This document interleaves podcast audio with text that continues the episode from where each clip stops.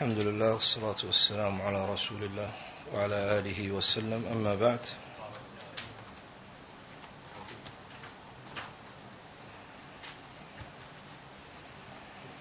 فكان آخر كلامنا في الأسبوع الماضي. تتمة ذكر بعض آثار يعني الذنوب والمعاصي. نسأل الله العافية والسلامة لنا ولإخواننا المسلمين جميعا. وتبين لنا بما لا يدع مجالا للشك أن العاقل إذا تدبر الآثار الوخيمة التي تترتب على الذنوب والمعاصي غير ما ادخر للعاصي من الوعيد عند الله جل وعلا فإن ذلك دافعا له بكل قوة ليقلع عن كل ذنب وعن كل معصية. وقد ذكرنا شيئا مختصرا مما ذكره أهل العلم في ذلك. ورأينا كيف أن آثار الذنوب والمعاصي تتنوع على كل مصلحة ومنفعة فتفسدها. ابتداء بالقلب وما تجعل فيه من الوحشة ومن زوال أسباب العلم ومن البعد عن الله تبارك وتعالى فضلا عن الأمراض التي تورثها في القلوب عياذا بالله تبارك وتعالى ثم بالبدن ثم في العقل ثم في الوجود ثم في مصالح الإنسان وتعطيل وقته وتغيير همته وتغيير إرادته بدلا من أن يسعى فيما خلق له من عبادة الله سبحانه وتعالى فينشغل بالأمور التي ليست فقط أنها تثقل سيره أو تعطله إلى الله جل وعلا ولكنها أيضا تبعده عن الله جل وعلا. وإلا فإن الرب جل وعلا يحب من عباده المؤمنين كما قال الله سبحانه وتعالى سارعوا إلى مغفرة من ربكم سابقوا إلى جنة عرضها السماوات والأرض. ويقول النبي صلى الله عليه وسلم إن الله يحب لكم معالي الأمور ويكره لكم سفسافها. فكيف بما ليس هو من فضول المباح أو من الأمور التي تشغل ولكنه يكون من الأمور التي توجب شيئا من الآثار أقلها النكت السوداء التي تجعل في قلب العبد حتى إذا تكاثرت سمعنا من قبل وذكرنا يعني ما توجبه يعني كثرة هذه الذنوب من الصمم ومن البكم ومن غير ذلك من فساد أسباب الإدراك والعلم والتمييز بين الحق والباطل. طبعا أوردنا سؤال وأنا أحب أن أعيده لأنه مهم لأنه مهم لأنه يشكل يعني على بعض العقول أحيانا. فيقول القائل إذا كان يعني هذه الذنوب والمعاصي كل ذلك هو من آثارها. فما بال كثير من المسلمين يسرفون على أنفسهم ويكثرون يعني من بعض المعاصي غافلين عن الله تبارك وتعالى وعن اليوم الآخر كيف لا يشعرون بهذه المصيبة الجلل وكيف يعني قلوبهم لا يحصل فيها من الشعور بما هم فيه من من هذه الشرور كلها التي هي سبب الآثام والمعاصي. فكان الجواب نقل يعني جواب أهل العلم أن سكرة الهوى وخدره ويعني ما هم فيه من يعني البعد فضلا عن مشابهة أمثالهم ممن يفعل مثل فعلهم فضلا عن الغفلة فضلا عن التسويف فضلا عن مداخل الشيطان الكثيرة التي منها إحسان الظن بالله عز وجل مع قليل من العمل يتقرب فيه إلى الله. وغير ذلك من الأسباب التي تجعل العبد لا يستشعر يعني أنه يعني مرتكب لأمر يقتضي منه الفزع واليقظة ويقتضي منه أن يقوم لله تبارك وتعالى قومة صدق. ولذلك ينبغي للمسلم أيا كانت مرتبته في العلم أو العمل أن يجدد إيمانه كما أمر النبي صلى الله عليه وآله وسلم. فقال ما معناه؟ إن هذا الإيمان يخلق في صدر أحدكم كما يخلق الثوب فجددوا إيمانكم أو كما قال صلى الله عليه وآله وسلم.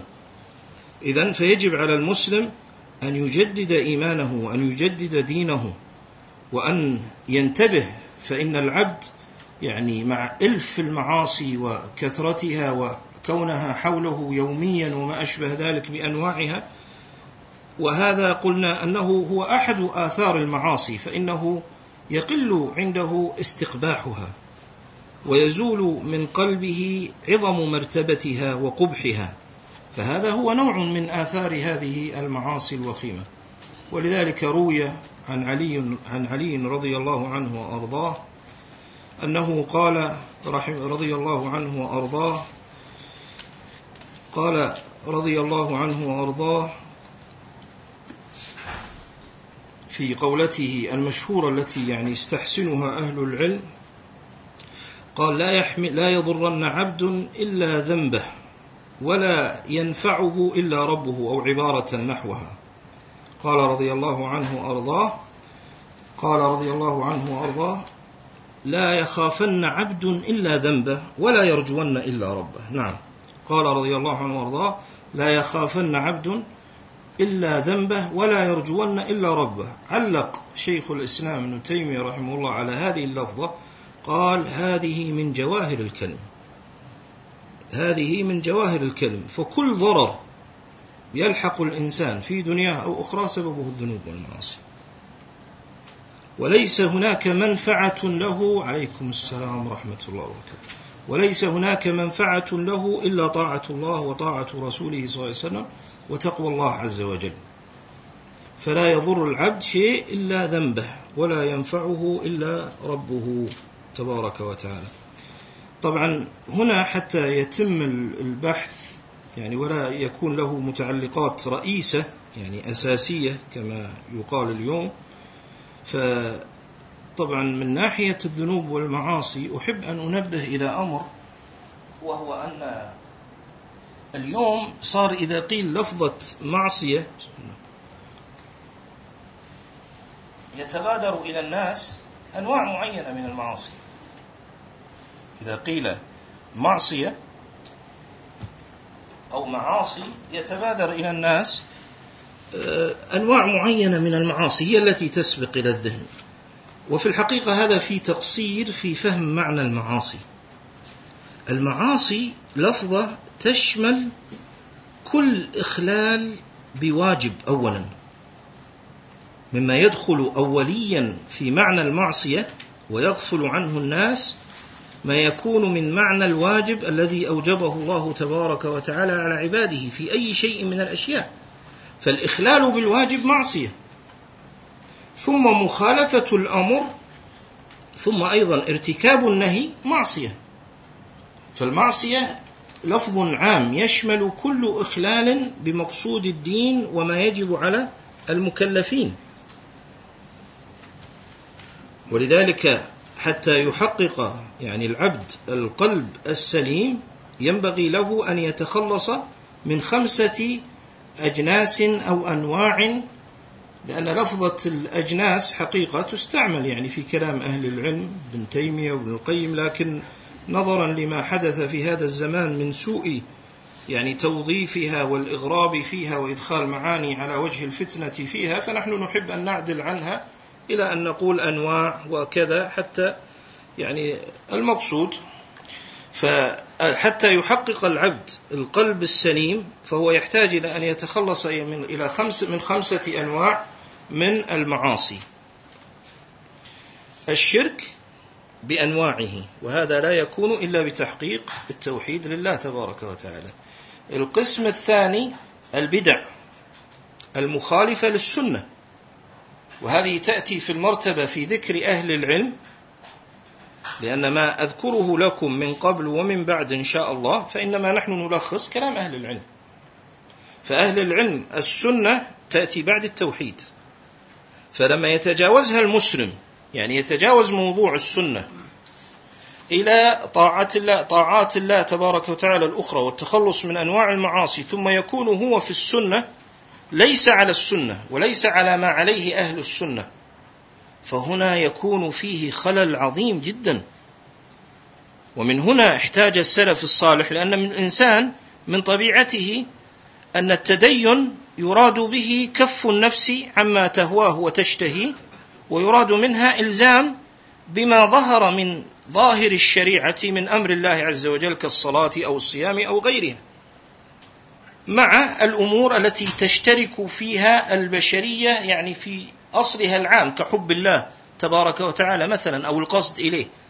فحين يتدين المتدين سيحب الله تبارك وتعالى سيقصد إليه سيقوم بفعل الأوامر سيترك النواهي الظاهرة فهذا أمر قد يكون مشترك بين أنواع المسلمين لكن الترتيب النبوي للهداية والإيمان والعلم والحق والذي كان عليه السلف الصالح أنه بعد توحيد الله ومعرفته لابد من السنة. ومن هنا كان من عظيم فقه السلف الصالح رحمهم الله تعالى أنهم يدخلون هذا الموضوع في صلب أصول السنة مختصرها ومطولها فتأتي عنهم عبارات عظيمة فيها مثل قول الإمام أحمد الذي استثقله بعض أهل هذا الزمان ورده وزيفه وقال نحن غير ملزمين بمثل هذه الكلمات. قول الإمام أحمد مثلا رحمه الله تعالى قبور أهل أهل الكبائر من أهل السنة روضة من رياض الجنة وقبور أهل البدع من أهل العبادة أو من أهل الصلاح حفرة من حفر النيران. وهذه عبارات كثيرة عن السلف الصالح. يا بني إنك إن تدخل على فلان وفلان خير من أن تدخل على عمرو بن عبيد. وقول بعض السلف رحمهم الله لأن يدخل ابني على هيتيا خير من أن يدخل على فلان وفلان. فالسلف الصالح حين يقررون هذا الأمر فهم يريدون لأن هناك يعني في زمن النبوة كان الرجل إذا اهتدى إلى الإسلام فليس ثمة بدع أو أهل بدع حتى يقع فيها. في زمن النبوة في زمن الرسول صلى الله عليه وآله وسلم ما كان في أهل بدع. ما كان في فرق. النبي صلى الله عليه وسلم أخبر أن الفرق أن البدع تكون متى؟ بعده صلى الله عليه وسلم. وفصل فيها وحذر منها وإلى آخره. فزمن النبوة إذا اهتدى الرجل إلى الإسلام هو إسلام. ومع هذا فإن دواعي دواعي البدع أو الانحراف عن الصراط المستقيم كامنة في النفوس إذ لم تزكى النفوس بالعلم الصحيح. ولذلك أحيانا قدر الله جل وعلا أن بعض أصحاب النبي صلى الله عليه وسلم يعلموننا أشياء. كالثلاثة نفر الذين قال أحدهم أقوم ولا أنام والآخر قال أصوم ولا إلى آخره. فهذه لماذا؟ لأنهم حتى يعطينا الله جل وعلا أمثلة أن النفوس إذا تركت لظلمها وجهلها الذي جبلت عليه لأن الله جل وعلا خلق الإنسان كما قال ربنا تبارك وتعالى إنه كان ظلوما جهولا. فالظلم يكون في الأعمال والجهل يكون في العلوم. فالإنسان إذا تركته من غير العلم المنزل على النبي صلى الله عليه وسلم فإن مآله إلى الظلم والجهل. إذا ففي زمن النبوة لا يوجد غير إسلام حق يؤخذ من في النبي صلى الله عليه وسلم. لكن بعد النبوة اليوم إذا اهتدى رجل إذا وقع يعني مات له قريب مثلا الأسباب التي عادة مثلا تلفت الناظر أو الناس إلى تذكر الحقائق التي يغفلون عنها وأعظمها مثلا الموت. أو غيره من الأسباب. فإذا تذكر وبدأ يبصر فكيف سيتدين؟ فهو بالخيار أو هو أمام مفترق طرق. هو أمام مفترق طرق الآن. إما أن يوفق للسنة من ابتدائه فهذه هي النعمة العظمى التي لا يعدلها شيء أبدا أن يوفق إلى السنة. وإما أن يقع في شيء من الأهواء والضلالات ويكون مخلصا مجاهدا في سبيل الله تبارك وتعالى يتعلم ويعمل إلى أن يهديه الله وإما وهذه المصيبة الأعظم اليوم التي يغفل عنها كثير من الناس لأن البدع العلمية يعني مثلا التصوف الأشعرية ما أشبه ذلك. يعني هذه النوع البدع التي يجلس المبتدع مع المهتدي ثم يبتدئ يفسد فطرته وعقله ويلقنه. هذه البدعة وهذا الهوى. لكن اليوم البدعة المحدثة الجديدة التي أحدثتها الجماعات لا يستشعر الناس عظم خطرها لأنها لا تلقن بالعلم. وإنما تؤخذ بالعمل والسلوك. أنتم تعلمون مثلا أن التصوف أو الصوفية يجعلون العبد يتخلى عن الدنيا ويقبل على عبادة الله فيرق قلبه ثم يكون طريق معرفته لله عز وجل ماذا؟ يأتي بعد عبادته لله. وهذا طريق خلاف طريق الأنبياء عليهم الصلاة والسلام. الأنبياء عليهم الصلاة والسلام يأتون لأقوامهم يعرفون من الله ثم ما حق الله ثم تفضل. هذه شرائع الله. اليوم البدع الجديدة المحدثة أخذت من الصوفية هذه هذا الأمر. فأنت كمتدين لا تدخل نفسك في الخلافات وتمسك بما عليه كل المسلمين الصلاة قراءة القرآن ذكر الله عز وجل العمومات. ثم تعبد لله عز وجل وكثر من الخير لا تدخل في تفاصيل ولا اختلافات. وعليك بهذا الإسلام بما فيه من أمور عامة مشتركة بين الناس. لكنك لا تكن سلبيا تجاه أمتك وقضاياها وما يحاك ضدها هنا وهناك. ها؟ لا تكن أيضا تبتغي الخير لنفسك. لا يجب أن تتفاعل مع قضايا الأمة وما يحاك ضدها في الداخل من العلمانيين وغيرهم أعداء الإسلام والدين وفي الخارج من الكفار المتربصين. ثم يغذون في نفسه شيئا فشيئا نزعة التكفير التي أخذوها من إخوانهم وسلفهم الخوارج فأخذوا من الخوارج أقبح خصلة فيهم وأخذوا من الصوفية أقبح خصلة فيهم فجمعوهما فجعلوا هذا الدين العام الذي يقع فيه كثير من المسلمين من حيث لا يشعرون فيبعدون عن السنة وعن تفصيل الدين. هذا خلاف ما أمر به النبي صلى الله عليه وسلم مفصلا في أحاديثه الشريفة صلى الله عليه وآله وسلم. النبي صلى الله عليه وسلم صراحة ذكر صلى الله عليه وآله وسلم أنه سيكون بعده اختلاف. ثم أمر بأوامر محددة ومفصلة. ما الذي يجب علينا؟ هذا كلامه صلى الله عليه وسلم. من يعش منكم بعدي فسيرى اختلافا كثيرا. وضح الداء وضح المرض وضح واقع الأمة الذي هؤلاء لا يلتفتون إليه ويبعدون عن لفت الناس إليه تماما. يعني ما يذكره النبي صلى الله عليه وسلم تشخيصا للداء وما يعاينه المسلم في الأمة موجودا هؤلاء يغيبونه عن الوجوب وهو واقع. وفضلا عن كونه واقع يراه المسلم. هو أيضا ذكره الرسول صلى الله عليه وسلم.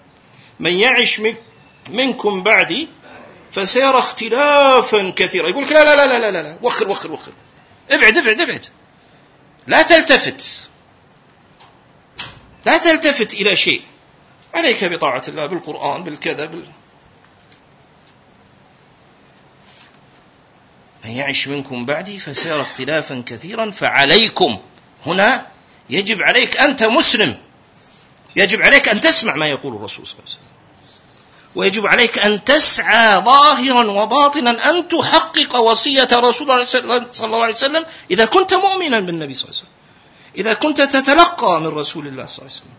إذا كنت تريد أن تهتدي الهداية الحقة التي رضيها الله جل وعلا لك دينا لا الهداية التي تقننها وتختارها وتقسمها بحسب ما تنتقي بهواك أو بعقلك فتختار من العبادات ما يوافقك ومن الدين ما يحسن عندك.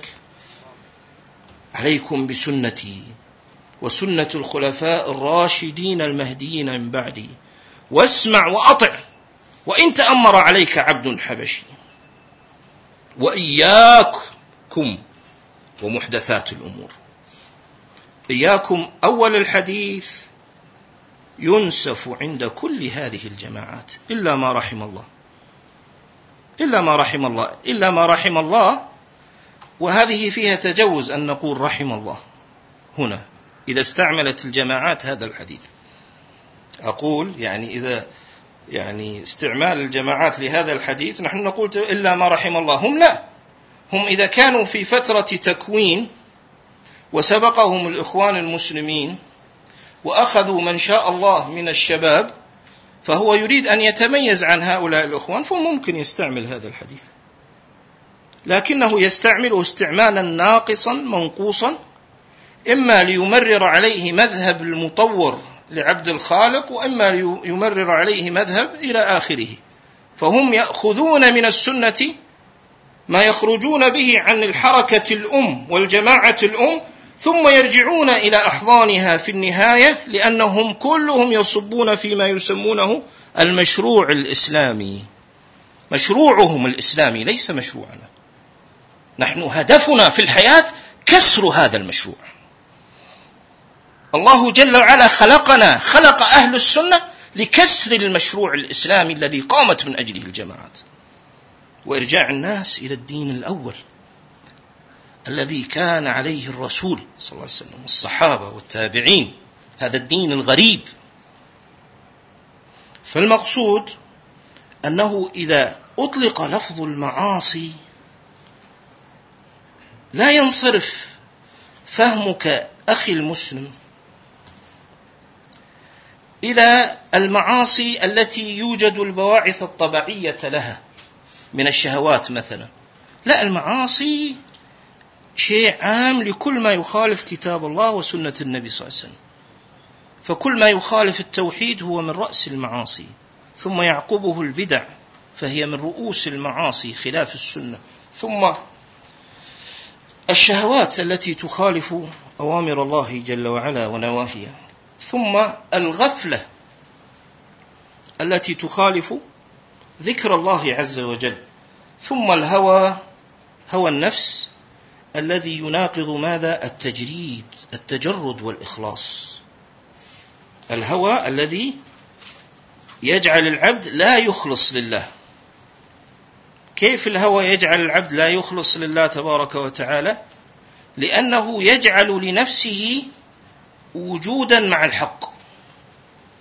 يعني بمعنى بمعنى أن هو ليس مهمة أن يكون عبد وقنطرة يمرر الحق كما يمرر السابق للاحق. كلنا عباد لله. حفظت الستة أو حفظت معرف إيش ولا وبلغت ما بلغت من العلم. إن وفقك الله أن تكون قنطرة وجسرا يعبر فيه المعاني الصحيحة مع الإخلاص لله فأنت مستفيد وإلا قد ينتفع الناس وأنت المتضرر. يا جاهل يا ظالم لنفسه. ها؟ هذه الأمراض التمشيخية الجديدة التي عمت وطمت في ثوب السنة. ليش؟ قال لك لأن السنة لها علاقة بالعلم. طيب علاقة السنة بالعلم علاقة أكيدة. طبعا هي العمود الفقري لدعوة أهل السنة العلم الشرعي. لكن هل معنى هذا أن أهل العلم في أهل السنة يصبح عندهم من الكهنوت كما عند الأحبار والرهبان وما أشبه ذلك وهذه يأكل بدينه كما حذر علي رضي الله عنه وأرضاه في وصيته لكميل وغير ذلك؟ فالمقصود ينبغي لأهل السنة أيضا أن يعلموا وظيفة العالم. العالم له وظيفة محددة. يقوم فيها خير لنفسه. جزاه الله خير ندعو له. أكثر من كذا لا أبدا. فلذلك الطلاب الناصحين الواعين الصادقين المخلصين المعتصمين حقيقة بأصول السنة هم الذين يسوقون إخوانهم الذين يسبقونهم في العلم يسوقونهم إلى أن يكونوا على الوجه الذي ينفع فيه أنفسهم وغيرهم. أما إذا كان الطلاب كجوقة أو حلقة الصوفية مع مشيختهم فهنا تبتدئ الآفات والإحترام والمحبة والتقدير واجبة بين كل المسلمين. إذا فلا ينصرف الذهن عند النهي عن المعاصي إلى أنواع معينة. ينبغي أن نف يكون هناك فقه في معنى المعصية بحيث يشمل الكتاب والسنة وما دل عليه الكتاب والسنة من الأخبار وغيرها. كذلك من المسائل المهمة التي أعتقد يعني أنها مهمة لتتمة يعني هذا البحث والعلم عند الله تبارك وتعالى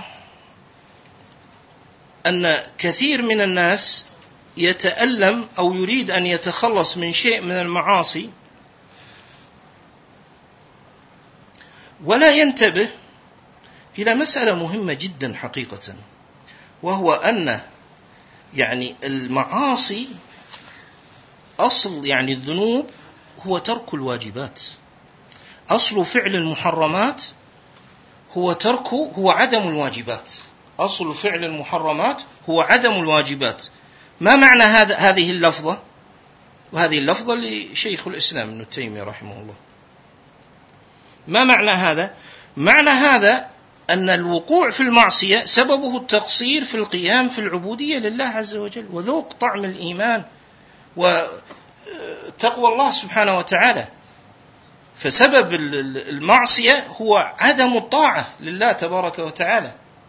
يعني تستطيع مثلا أن تفهم, تفهم هذا المعنى بأكثر فيما أرجو الله سبحانه وتعالى من قول الله جل وعلا إن الصلاة تنهى عن الفحشاء والمنكر. إن الصلاة تنهى عن الفحشاء والمنكر. فالقيام بطاعة الله وتوحيد وإخلاص الدين له والقيام بالواجب يبعد العبد عن المعاصي. ويطهر قلبه ونفسه ويجعله هاديا مهتديا. فالذي يريد ترك المعاصي عليه اولا أن يرجع إلى ما خلق له في الابتداء وإلا فإن كثيرا من الناس قد يتركون انواعا وألوانا من المعاصي. من من المسلمين يشرب الخمر؟ من من المسلمين كذا وكذا؟ القلة إن شاء الله. فهل ترك من ترك الخمر لأنه طاعة لله عز وجل مع وجود الدواعي إلى ذلك لا قد يكون ليس له الرغبة فيها. ولا نبحث يعني البحث الزائد هل يؤجر أو لا يؤجر فنرجو الله تبارك وتعالى أن يشمل المسلمين جميعا بعفوه ورحمته. لكن مقصودي توضيح المسألة. يعني أنا أقصد أن هناك يعني أشياء قد تترك ليست لله عز وجل. لكن صاحب القلب السليم يترك الشيء لله وهذا أكمل. وهذا أكمل. يعني إذا وجدت الدواعي لشيء ثم منع نفسه لله عز وجل هذا أعظم في الأجر وأقرب إلى الله سبحانه وتعالى. ولذلك النبي صلى الله عليه وسلم ذكر السبع الذين يظلهم الله في ظله مثلا رجل دعته امرأة ذات حسن وجمال فقال إني أخاف الله. هنا وجد المقتضى. وجد المقتضى ووجدت المكنة والقدرة على الفعل. ومع هذا ترك خوفا من الله سبحانه وتعالى. ولذلك قال بعض السلف الصالح رحمهم الله تعالى يعني ما معناه إن أعمال البر يفعلها البر والعاصي. ولا يستطيع ترك المعاصي إلا صديق. ما معنى هذا الكلام؟ معنى هذا الكلام أن المسلم مسلمين يشتركون في القيام بطاعات. يصلي. اليوم عنده أناس يصلون في المسجد خرج معهم للمسجد. رأى الخروج للمسجد ميسورا ومقدورا وفيه أجر خرج مرة أخرى. فهو يقوم بالطاعة. هذه نعمة من الله عز وجل. يعتمر يتصدق. ومن قتل الجماعات هذه للدين أنهم يعني من قتلهم لصلب الدين ولتدين المسلمين أنهم يطمئنون الناس إلى أعمالهم القليلة في طاعة الله عز وجل ويعطونهم البشارات العظيمة. خلاص أنت على خير أنت كذا. طيب هي المسألة ليست هي مسألة يعني الأنفع للعبد أن يخاف الله وأن يزيد من العمل وأن يتقيه لا أن تطمئنه. كما روي يعني عن الحسن البصري يعني رحمه الله أنه رأى رجلا يعني يعظ الناس ثم أنه يطمئنهم ويذكرهم يعني بجنة الله وثواب الله فأخذ الحسن بركبته وقال يا هذا إنك إن تجعلهم تعظهم بكتاب الله أو ما معناه فتجعلهم يخافون ويرجون خيرا مما تصنع. ولذلك لما شكي إلى الحسن البصري أيضا رحمه الله قوم قالوا إنهم يبكوننا. فقال رحمه الله تعالى وهو المتربي على أيدي أصحاب النبي صلى الله عليه وسلم من التابعين. فقال لأن يبكوكم اليوم فتضحكون غدا خير من أن يضحكوكم اليوم وتبكون غدا. فالفقه كل الفقه كما قال علي رضي الله عنه وأرضاه إن آنس من الناس إدبارا وعظهم وإن آنس منهم إقبالا خفف عليهم أو معنى ما ورد عنه في بعض الكتب أظن في كتاب العلم لأبي خيثمة رحمه الله. فالمقصود فالمقصود أنه يجب على المسلم أن يتفقه في هذه الأبواب لأنه يحتاج إليها على الدوام. هذه الأبواب يحتاج إليها على الدوام. ومع كثرة الفتن والشرور ومثل هذه الأمور فمثل هذه الأبواب لا بد وأن المسلم بينه وبين نفسه أن يكرر مثل هذه المعاني حتى تبقى حية يقظة ويبقى ثو يعني تبقى الغفلة بعيدة عنه إن شاء الله تعالى. فأصل الذنوب إذن هو عدم الواجبات. فإذا أردت أن تنقل شخصا من معصية الله تبارك وتعالى إلى طاعته فأمره بطاعة الله عز وجل. فأمره بطاعة الله تبارك وتعالى. طبعا هذا لا يمنع من إنكار المنكر لكن أنا المقصد أنه إذا زاد إيمانه وزاد عمله الصالح سيترك المعصية. لأن المعصية إنما تحصل لعدم الطاعة أو لوجود الحاجة. إما لعدم الطاعة كما تقدم أو لوجود ماذا؟ الحاجة.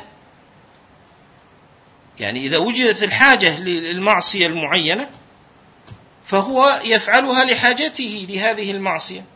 فإذا استعاض عن هذه المعصية بالحلال الذي أباحه الله تبارك وتعالى زال. دواعي يعني هذه المعصية من نفسه. وهذه مسألة مهمة. فمن أراد ترك المعاصي فعليه أن يطيع الله تبارك وتعالى وأن يتقيه. نرجع إلى كلام المصنف رحمه الله تعالى. قال رحمه الله تعالى ومنها أن لا يأمن عاقبة الذنب عاقبة الذنب أثره مطلقا. وهذه نقطة يعني نبه أهل العلم إلى أن يعني آه، الذنوب لها آثار لكن قد لا تلحظ. كون الإنسان ما يلحظ آثار الذنوب لا يعني أنها غير موجودة. قال رحمه الله ولو كان قبله طاعات كثيرة يعني بمعنى أنه لا يغتر بحسناته. ليس معنى يعني قول الله جل وعلا إن الحسنات يذهبن السيئات وقول النبي صلى الله عليه وسلم وأتبع السيئة الحسنة تمحها معناها أن أعصي الله وأقوم بحسنات كما يقوله بعض الناس أو قد يظنه بعض الناس لا. أنت مأمور بتقوى الله جل وعلا بترك المعصية وفعل الطاعة الواجبة. أنت مأمور أقل الإيمان بالإقتصاد وإلا فإنك حتى لو عملت حسنات وأنت عاصي يشملك لفظ الظالم لنفسه. قال رحمه الله وهو ذنب واحد يعني يشير إلى قصة آدم عليه الصلاة والسلام وإبليس أن يعني آدم عليه الصلاة والسلام عصى الله جل وعلا فيما ذكره الله عز وجل هذه المعصية من الأكل من الشجرة ثم كانت العاقبة والأثر بعد توبته وتوبة الله عز وجل عليه أثر معصيته أنه أهبط ونزل الأرض. أما إبليس فحقت عليه اللعنة الأبدية السرمدية عياذا بالله تبارك وتعالى. قال فكيف إذا كانت الذنوب بعدد رمل عالج؟ هذه لفظة عربية مشهورة يطلقونها يعني في الدلالة على الكثرة الكاثرة لأن رمل هذا المكان كثير جدا. قال رحمه الله ومن هذا قول بعض السلف نضحك ولعل الله اطلع على بعض أعمالنا فقال اذهبوا فلا أقبل منكم عملا أو كلاما هذا معناه. طبعا أخذ يعني هذا الرجل من السلف الصالح فيما يظهر يعني هذا المعنى من مثل قول النبي صلى الله عليه وسلم لو تعلمون ما أعلم لبكيتم كث... لما لضحكتم قليلا ولبكيتم كثيرا. أو أنه أخذه من مثل قول الله تبارك وتعالى وبدا لهم من الله ما لم يكونوا يحتسبون. كان السلف مثل يحيى بن معين وغيره كانوا يبكون بكاء شديد عند هذه الآية لأن عاقبة الإنسان مغيبة. كيف أنعم وصاحب القرن قد التقم قرنه أو كما قال صلى الله عليه وسلم لينفخ في الصور. إذا إياك والتنعم فإن عباد الله ليسوا بالمتنعمين. بمعنى ماذا؟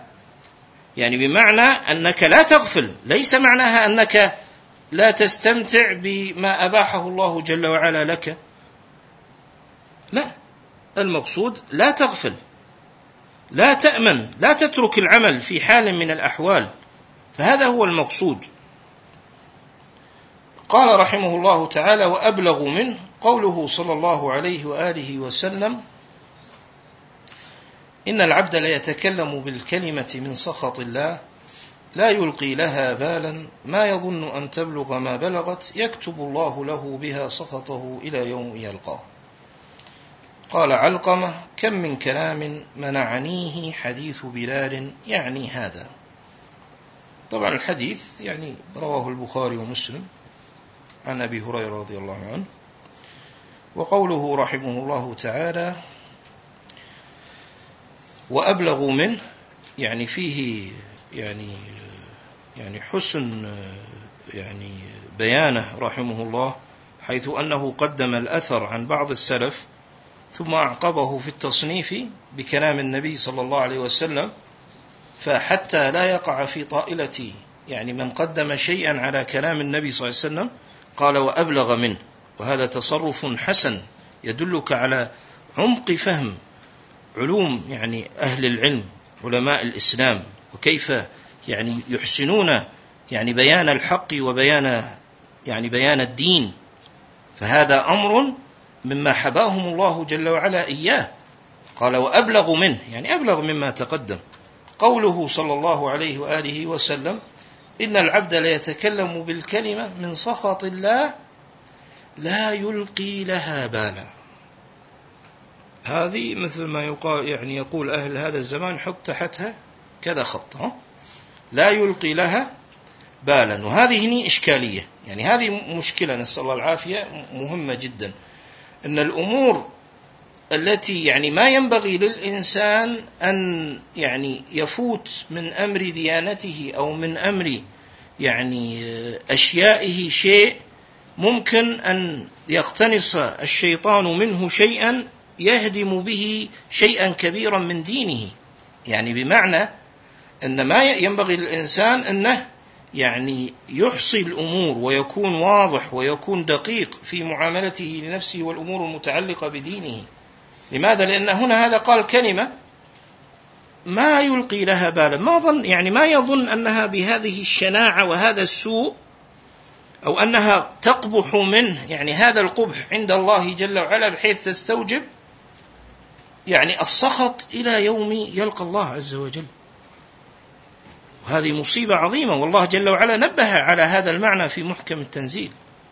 قال الله تبارك وتعالى تحسبونه هينا وهو عند الله عظيم. والنبي صلى الله عليه وسلم لما جاء أسامة لذاك الرجل الذي قال لا إله إلا الله متعوذا من السيف. كانوا في جهاد في سبيل الله تبارك وتعالى. هذا الرجل كافر. فلما تمكن منه أسامة وعلاه بالسيف يضربه قال لا إله إلا الله. فأجهز عليه رضي الله عنه ظنا منه لأنه قالها من غير صدق إنما أراد أن يحمي حياته. هذا ظاهر حاله. فماذا كان من النبي صلى الله عليه وآله وسلم؟ قال أقتلته. وقد قال لا إله إلا الله. ماذا تصنع بلا إله إلا الله غدا؟ ماذا تصنع بلا إله إلا الله غدا؟ هل كان في حسبان أسامة رضي الله عنه وأرضاه أن فعله هذا الذي هو جهاد في سبيل الله وهو يقتله لا لحظ نفسه ولكن قربة إلى الله جل وعلا؟ هل كان يدور في خلده أن هذا الفعل سيكون حكمه عند الله عز وجل بهذه المثابة حتى أن النبي صلى الله عليه وسلم لامه أشد اللوم فما زال يكرر عليه صلى الله عليه وسلم وهو الشفيق صلى الله عليه وسلم على أصحابه صلى الله عليه وسلم. فما زال يكررها حتى قال أسامة حتى تمنيت لو أن لم أكن أسلمت إلا يوم إذن أو كما قال صلى الله عليه وسلم. إذن فليحذر المسلم عموما وصاحب السنة خصوصا والمتدين عموما أيضا ليحذر من الأقوال أو الأفعال أو الأشياء التي تخرج كردود فعل أو من غير حسبان. لا ينبغي للإنسان أن يتدبر أمره ولا يقول قولا ولا يفعل فعلا إلا يكون متريثا إذا كان من أمر ماذا؟ الدين. فهذا أمر واجب. وبمثل هذه المراقبة والاستعانة بالله تبارك وتعالى يحصل السداد. أما من يخلط فإنه يخلط عليه. من يخلط يخلط عليه الذي يسرف نسأل الله العافية والسلامة. فالمقصود أن هذه الكلمة من سخط الله جل وعلا يقولها يعني وهو لا يلقي لها بالا لا يظن أنها تبلغ هذا المبلغ توجب له كل يعني هذا الشر وهذه العقوبة.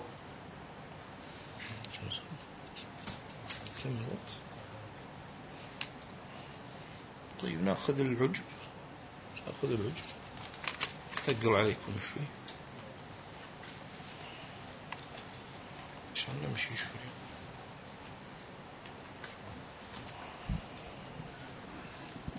بسم الله الرحمن الرحيم. الحمد لله رب العالمين والصلاة والسلام على رسول الله عليه وسلم. كمل بس في الوجه. نمشي شوي. قال الإمام محمد بن عبد الوهاب رحمه الله تعالى ومنها أنها تخلع من القلب داء العجب الذي هو أشد من الكبائر. طبعا يعني منها عطف على ما سبق من الفوائد المستفادة من هذه القصة العظيمة قصة آدم عليه الصلاة والسلام وإبليس في الجنة. قال ومنها أنها تخلع من القلب داء العجب الذي هو أشد من الكبائر.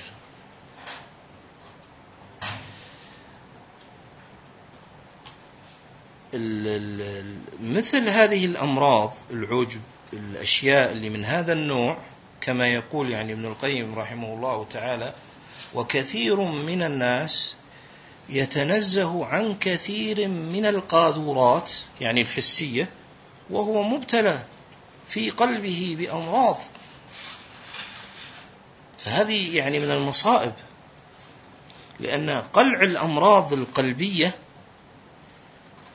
يعني وإن كان ميسورا إذا شاء الله تبارك وتعالى وأكرم سبحانه وتعالى إذا أكرم الله عز وجل بإرادته تطهير قلب عبده المؤمن كما قال الله عز وجل أولئك الذين لم يرد الله أن يطهر قلوبهم. فهناك الله جل وعلا من يريد أن يطهر قلوبهم. فهي ميسورة ولكن هذه الأمراض إذا كانت مكتسبة يعني من قبل أو وجدت أسبابها فإن الإنسان قد يضبط أمره الظاهر. صلواته الخمس في الجماعة آه، قيامه بما أوجب الله عز وجل عليه. أشياء كثيرة الإنسان تنضبط لكن ما يجور ما يجول في القلوب أو ما يقع فيها كما يقول يعني يعني الشيخ ابن عثيمين رحمه الله أذكر له كلمة يعني ما معناها يقول انتبهوا للقلوب. وراقبوها رحمه الله تعالى. فما يقع في القلوب أمر ليس مكشوفا أمامك بحيث تستطيع أن يعني تجزم به. وإن كان بفضل الله جل وعلا الله عز وجل جعل لكل شيء علامات. لكن مثل هذه الأشياء اللي في القلوب صعب. يعني يعني مثل ما نقول يعني يقال في لغة الأطباء تشخيصها فلذلك قد يكون الإنسان خاصة أن الشيطان حريص. نعوذ بالله من همزات ونزغات الشيطان. فقد يكون الإنسان عنده أمراض في قلبه هو أحوج أن يتخلص منها من كثير من الأشياء التي يعالجها من نفسه. ويعني أخسر طريق إلى تطهير القلوب أمران. الاعتصام بالسنة بصدق. وتلاوة كلام الله جل وعلا بالتدبر. فهذا مما يطهر القلب إذا شاء الله تبارك وتعالى. فالمقصود أن كثير ممن قد يتنزه عن كثير من القادرات الحسية ثم يقع في شيء من أمراض القلوب عياذا بالله تبارك وتعالى من هذا النوع كالعجب. وأنتم تعلمون أن العجب يذكر ومعه قرين. ما قرينه؟ ما قرين العجب الذي يذكر معه؟ الكبر. الكبر. النبي صلى الله عليه وسلم يستعيذ من العجب والكبر. طيب أيهما أسبق في القلب؟ العجب ولا الكبر؟ العجب. العجب هو قنطرة ووسيلة ماذا؟ الكبر عياذا بالله عز وجل. لماذا؟ لأن العجب هو أن يظن الإنسان أن عنده ما ليس عند غيره كما يروى عن عبد الله بن المبارك رضي الله عنه أو غيره رحمهم الله تعالى. العجب أنه يظن أنه عنده صفة ليست عند غيره. ها؟ خلقت خلقته ها؟ خلقتني من نار وخلقته من طين. أنا من نار. أنا عندي شيء ليس عنده. فماذا دفعه هذا العجب إلى ماذا؟ إلى الكبر عن أمر الله جل وعلا. ولذلك كان النبي صلى الله عليه وسلم يستعيد من هذا الداء الذي هو داء العجب. إياك أن تقول أو أن تظن ما يقوله الناس في هذا الزمن إذا فتح الله جل وعلا عليهم شيء في العلم أو في العمل ها على طول يختال. ها يظن إيش؟ يظن وإن كنت الأخير زمانه لآت بما لم تستطعه الأوائل. فهذا يدلك على يعني عجب وجهل. يعني عجب وجهل. يعني هذا معناها ما عرف ما كان عليه السلف الصالح رحمهم الله تعالى. فالمقصود إن يعني هذه القصة يقول الإمام تخلع داء العجب. لماذا؟ لأن عاقبته وخيمة. ولأنه حتى لو أن الإنسان أوتي شيئا حسنا من نعم الله فعليه أن يشكر الله. على فضله وإحسانه له الحمد والشكر. لا أنه يستعمله في ضرر نفسه. ولذلك ذكر يعني بعض أهل العلم من فوائد تقديم إياك نعبد على إياك نستعين في الفاتحة في سورة الفاتحة ذكر بعض أهل العلم رحمهم الله تعالى أنه ذكرت العبادة قبل التوكل على الله سبحانه وتعالى. فقال بعض أهل العلم حتى يذكر بالله وحقه والتوكل عليه فينفى عن نفسه العجب فلا يعجب بعمله. إياك نعبد إياك نستعين. فأخرت الاستعانة على العبادة حتى يتذكر المسلم أنه عبادتك أصلا كما يقول يعني الشافعي يعني رحمه الله تعالى يعني ما معناه أنه يعني لأن كل صلاة نصلي بها على النبي صلى الله عليه وسلم أو تستوجب أو كل حمد نحمد الله جل وعلا به فإنه مستوجب مستوجب لحمد آخر نؤدي به شكر الله أن وفقنا على حمده. هذا كلام الشافعي من غير تكلف منا رحمه الله. كلام السلف في هذه الأبواب جامع قوي عميق من غير ترهات وإشارات الصوفية. قبحهم الله. طيب فهذه الكلمة من الشافعي رحمه الله تعالى يعني يقول لك أن إذا حمدت الله فاصلا هذا توفيقك أن تحمد الله عز وجل هذه من نعم الله عليك تستوجب ماذا؟ أنك تحمد الله أن وفقك على أن حمدته، انظر إلى الفقه. وهذا من فضل الله عز وجل أن الحسنة تأتي بأختها. ولكن حسنات تأتي بعجب حسنات تأتي بأمراض. هذا المعصية ولذلك ذكر أهل العلم إن من رحمة الله ببعض عباده أن يبتليهم بشيء من المعاصي حتى يكسر نفوسهم له تبارك وتعالى ويذلهم له تبارك وتعالى. فقد تكون المعصية في حق بعض الناس في بعض الأحوال خير له. لأنها ترجعه إلى أصل ما خلقه الله تبارك وتعالى من عبوديته والذل له سبحانه وتعالى. فنسأل الله تبارك وتعالى بأسمائه الحسنى وصفاته العلى لنا ولإخواننا جميعا أن يهدينا إلى صراطه المستقيم. هذا والله أعلم. وصلى الله وسلم على محمد وعلى آله وسلم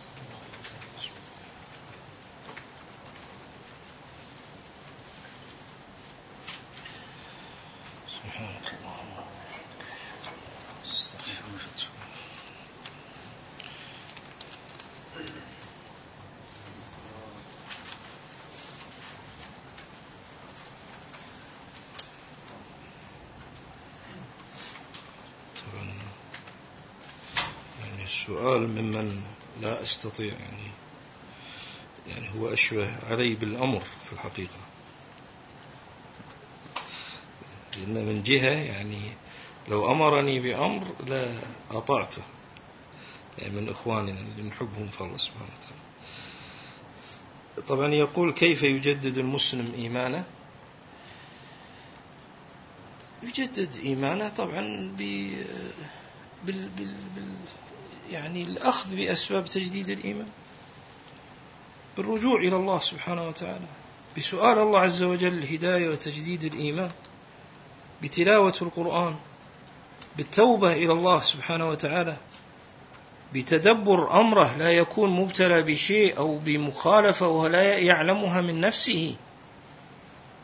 يسأل الله جل وعلا إن كان النبي صلى الله عليه وسلم وهو النبي صلى الله عليه وسلم يقول اللهم اغفر لي ذنبي كله دقه وجله ما علمت منه وما لم أعلم وهو النبي صلى الله عليه وسلم. فيسأل الله جل وعلا أنه يقيه الذنوب ويسارع إلى الله عز وجل ويكون عمله ديمة يعني بمعنى أنه لا يجدد إيمانه في وقت ثم يفتر أوقاتا أخرى فإن الله جل وعلا وصف المؤمنين باسم الفاعل التائبون الحامدون العابدون السائحون الراكعون. وهذه الصفة وهذه الصيغة تقتضي المداومة. كان عمل النبي صلى الله عليه وسلم ديمة. كان أحب العمل إليه أدومه وإن قل. فهذه مهمة في تجديد الإيمان. يقول أيهما أخطر وأضر؟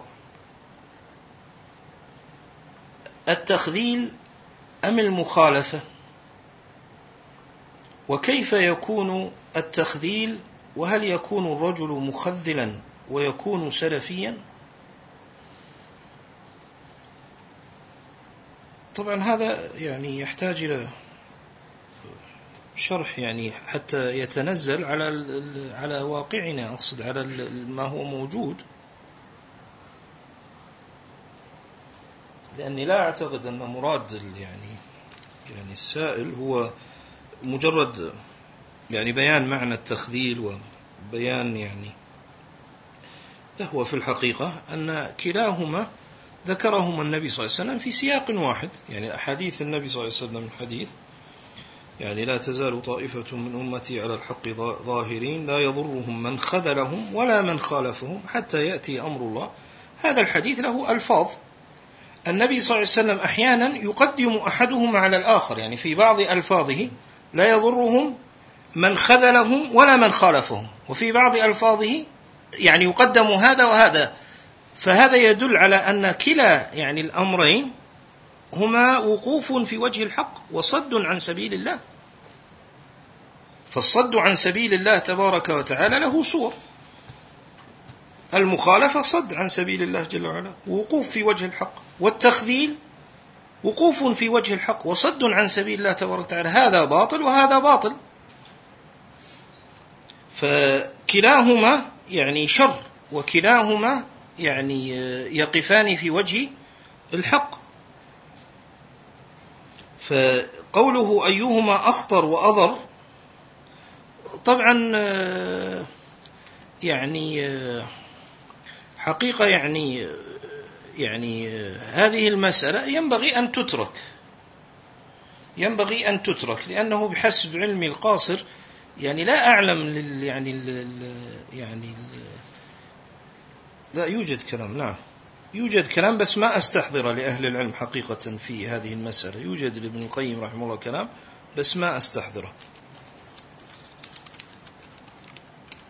يقول هل يكون الرجل مخذنا وهو سلفيا؟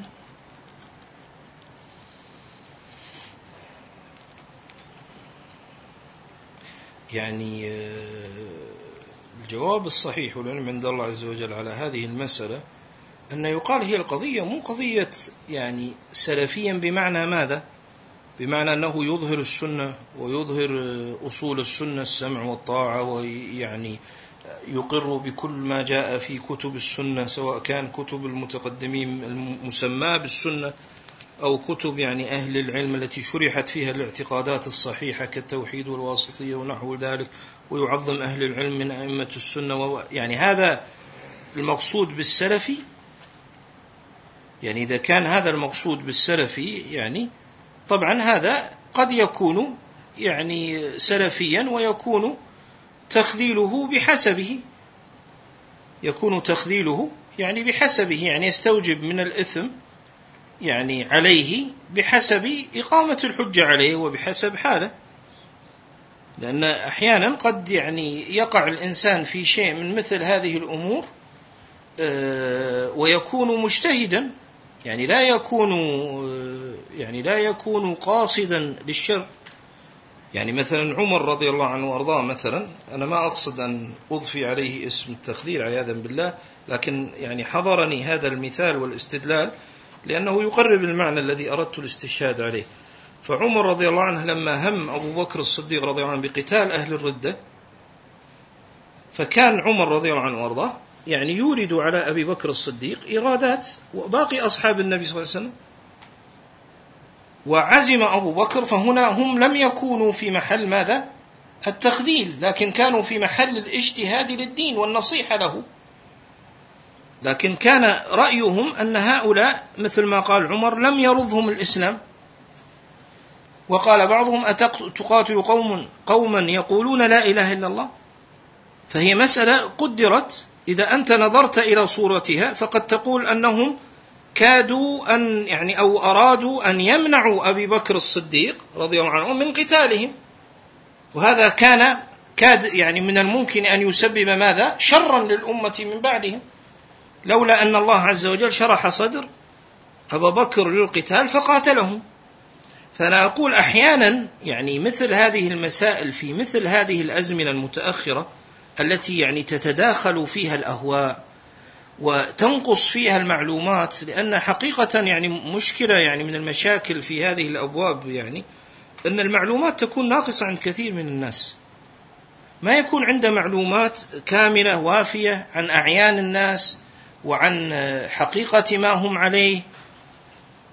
فلذلك يكون حكم آه، ناقص فيهم واجتهاده فيهم. كذلك إن هناك يعني بعض الخلاف اللي قد يقع يعني بين ال ال يعني أهل السنة في أعيان معينة هذا قد يرد. هذا قد يرد. يعني قد يرد أن يختلف على بعض الأعيان. هذا موجود من قديم. كما اختلف في الرواة. أحدهم يوثقه والآخر. ولكن يعني ما يجري من من بعض الشرور التي تتعلق في هذه الأبواب إنما يعني تأتي لا تأتي من مجتهدين. يعني نحن نتكلم أن هناك يعني بعض الناس أو بعض أهل العلم أو بعض الطلاب قد يكون عنده اجتهاد في التقدير. فمثل هذا ينبغي أن يلطف به وأن يعذر وأن يرفق به. لكن المخالفين المخدرين صراحة كبطانة الجماعات كبطانة الجماعات أنصار علي حسن وامتداداته فهؤلاء لا هؤلاء هم من من الجماعات هم في حكم الجماعات. لا فرق بينهم وبين الجماعات يعني ما الفرق بينهم وبين من انتسب إلى التراث وأظهر السنة وهو مع التراث؟ ولذلك تجد يعني المذبذبين أو المزعزعين أو الذين يعني بين هؤلاء وهؤلاء حين تقول له يعني رجل من التراث وظاهره السنة. رجل من التراث وظاهره السنة. ما قولك فيه؟ يقول له هو أخونا وما شاء الله ونحن نتعاون معه. يطبق قاعدة الإخوان المسلمين. لاحظت كيف؟ يعني اذا فالمسألة يعني أما نحن نقول له هذا مع التراث خلاص انتهى. تقول تبدعه؟ نقول لك لا ما نبدعه ما يلزم. ما تلزمنا أنت بأشياء كما تشاء. لكن بما أنه مع هذه الجماعة الظاهرة في تبنيها لمذهب عبد الخالق انتهى الموضوع بالنسبة لنا. فبطانة الجماعات يعني حقيقة يعني يعني بعض الأخوة استشكل لفظة البطانة. وأنا مصر عليها. لماذا؟ لأن البطانة يعني تكون يعني في داخل الثوب. يعني هذه بطانة. هذه بطانة. طيب فبطانة الجماعات أين خشونتها؟ خشونتها على من يليها من أهل السنة. وأما ظاهرها الرحمة لأهل البدعة والجماعات. فكيف يعني يكون هؤلاء يخدمون أهداف الجماعات. هؤلاء أقرب للجماعات. ولذلك يعني يوما بعد يوم يتضح أمرهم. لكن كونهم يخفون أشياء كونهم هذا أمر آخر يعني. فالمقصود ينبغي أن يفرق بين المخذلين صراحة ممن يكون حكمهم حكم المخالف مخالفين وبين من يكون له اجتهاد في بعض الأعيان أو اجتهاد في بعض المسائل أو اجتهاد في تقدير المصلحة والمفسدة في بعض الأمور فمثل هؤلاء يعني ينبغي أن يعلم أن هذا يعني أمر لا بد منه في أهل السنة. لكن مع المشاورة ومع استيفاء المعلومات ومع النظر والنصيحة للسنة تجتمع قلوب أهل السنة سواء كان في المسائل أو في الأعيان تجتمع مثل ما اجتمعت. يعني في قتال يعني أبي بكر الصديق رضي الله عنه المرتدين نعم.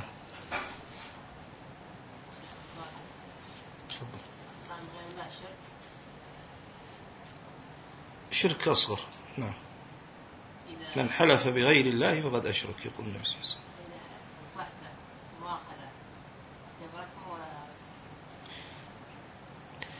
لقنة الكفارة. يعني قل له يعني قل له إذا قلت كذا لأنه قد يكون معتاد لسان معتاد على هذا الأمر. والعادة يعني صعب الفكاك منها. ولذلك النبي صلى الله عليه وسلم قال قولوا لا إله إلا الله. لمن كان يقسم باللات والعزى لأن الألسنة اعتادت على مثل هذا القسم. فإذا رأيت رجل معتاد قل لا إذا قلت قل لا إله إلا الله. لقنه لا إله إلا الله بعد بيان الحكم. فإذا أطاعك في هذه فستنفي هذه تلك إن شاء الله ويتوب إلى الله سبحانه وتعالى.